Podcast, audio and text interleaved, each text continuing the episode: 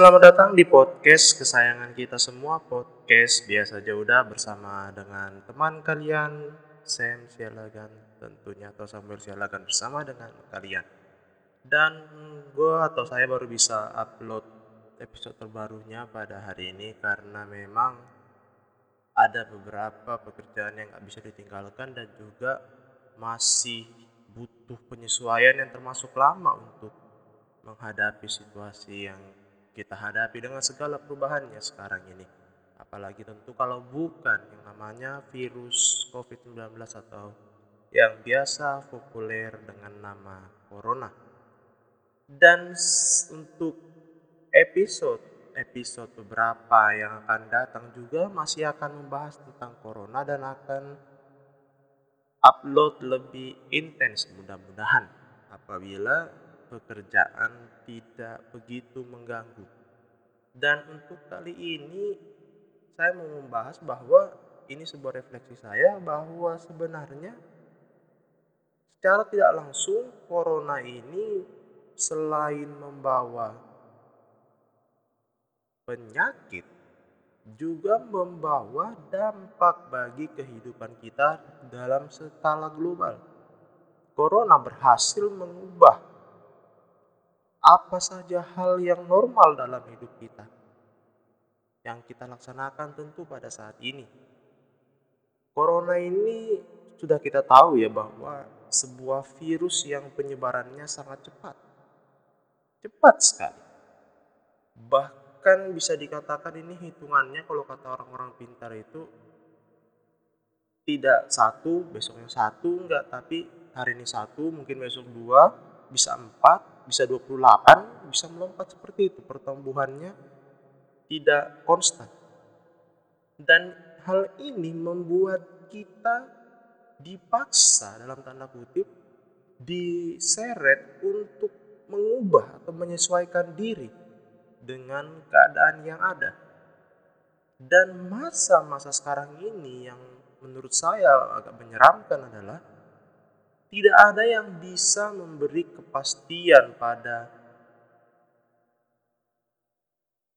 tentang bagaimana virus ini akan berakhir. Pada beberapa waktu yang lalu juga banyak yang mencoba untuk meneliti tentang virus ini, tapi belum membawa hasil signifikan dalam keadaan sekarang ini. Dan yang pasti, seperti yang saya bilang tadi, COVID-19, Corona ini mengubah tatanan apa yang menjadi hal yang normal dalam hidup manusia. Yang pertama adalah karantina mandiri hingga lockdown di beberapa tempat atau di beberapa negara. Atau di Jakarta misalkan disebut dengan PSBB atau pembatasan sosial berskala besar kalau saya nggak salah.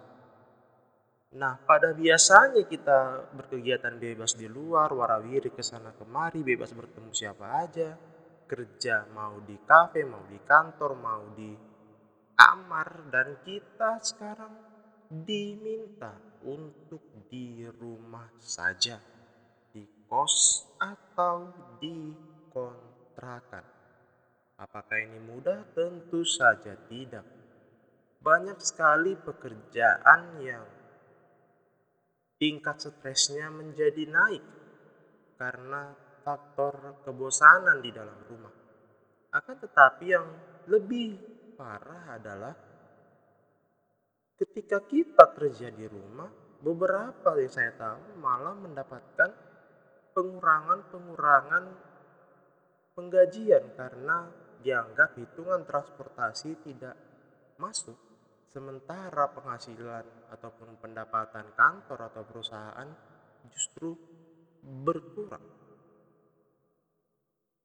Dan beberapa negara juga yang lockdown, ada yang berhasil, ada juga yang kacau setahu saya karena tidak bisa memberikan bantuan secara merata dan berkaitan dengan kerja di rumah atau karantina mandiri di rumah aja membuat rantai kebutuhan hidup distribusinya pun terganggu. karena kita tidak bebas lagi keluar untuk membeli apa yang kita butuhkan. Sementara itu pendapatan juga untuk beberapa orang berkurang atau bahkan nol sama sekali.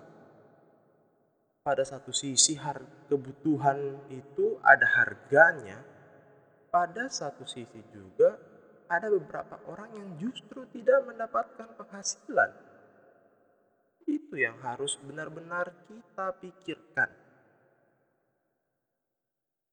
Itulah dua hal yang terlihat bahwa selama masa pandemi ini kehidupan kita menjadi lebih berat. Lalu yang berikutnya adalah setelah gue lihat-lihat atau saya lihat-lihat banyak sekali orang yang jadi abang jago ya, siap bang. Atau itulah kalau kata abang-abang di podcast pot ya? podcast retropus gitu dan mereka dengan seenak jidat ataupun kadang mungkin kita juga dengan seenak jidat menyebarkan berita tapi kita tidak mau ataupun ogah-ogahan untuk melakukan yang namanya cross check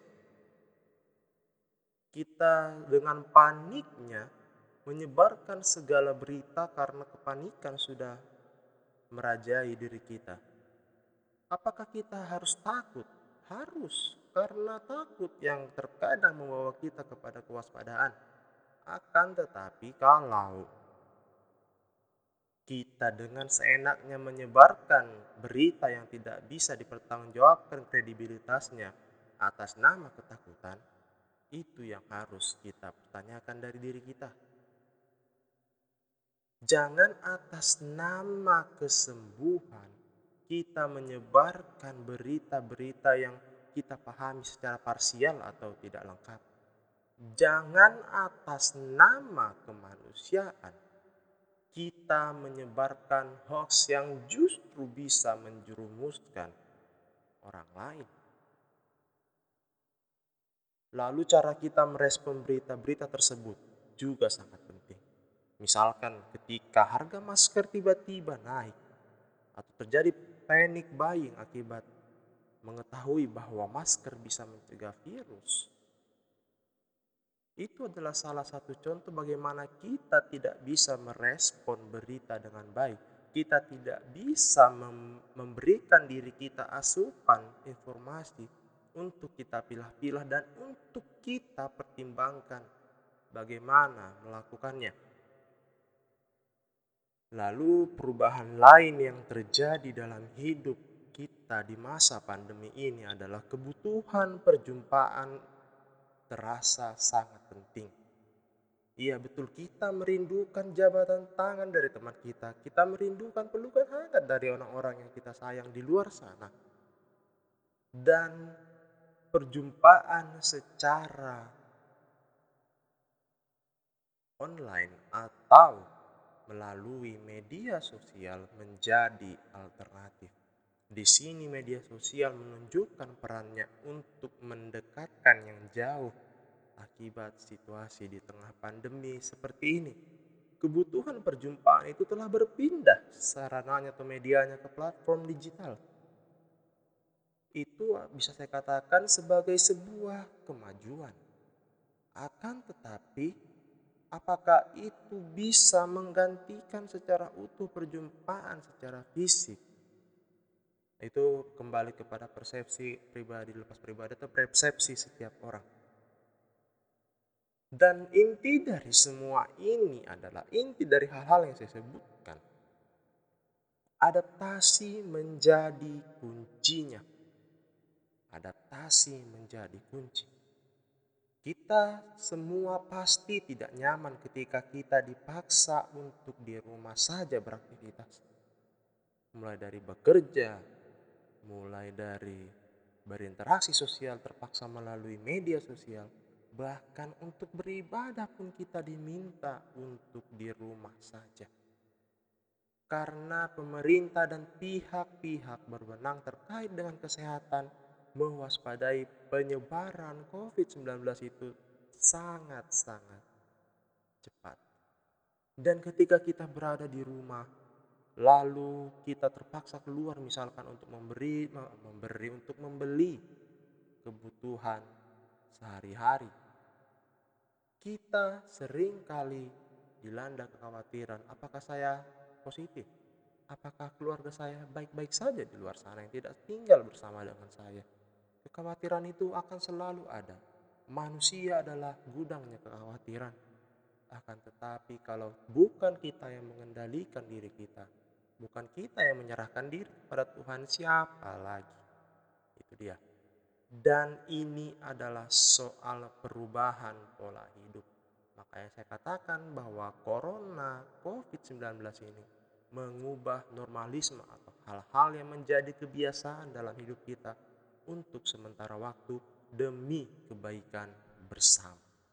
Dan ketika kita membahas tentang kebaikan bersama, di tengah situasi sulit seperti ini, saya pernah mendengar bahwa berikanlah situasi yang sulit kepada orang lain, maka tabiat aslinya akan kelihatan.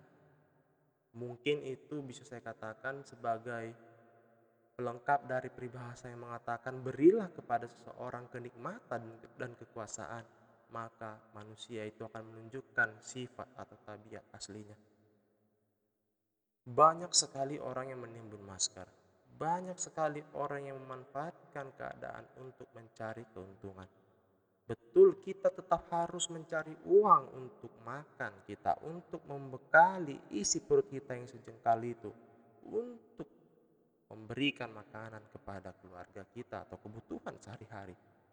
Akan tetapi, jangan sampai kita menjadi musuh di dalam selimut yang justru memanfaatkan kesempatan mengambil keuntungan sebesar-besarnya untuk kepentingan pribadi sementara banyak sekali orang yang membutuhkan uluran tangan kita. Dan yang pasti ketika situasi seperti ini inovasi menjadi hal yang penting. Bukan cuma para ahli yang harus berinovasi, tapi juga kita yang berada di rumah saja menjalani hidup kita sehari-hari. Kita di paksa dalam tanda kutip berinovasi untuk membuat suasana di rumah menjadi tidak bosan dengan berbagai kegiatan.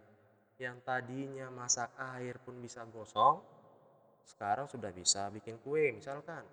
Yang tadinya hanya rebahan dan malas bersih-bersih karena takut terkena corona, dia menjadi rajin membersihkan rumahnya dengan segala inovasi atau kreativitas supaya rumahnya terlihat lebih cantik dan lebih bersih.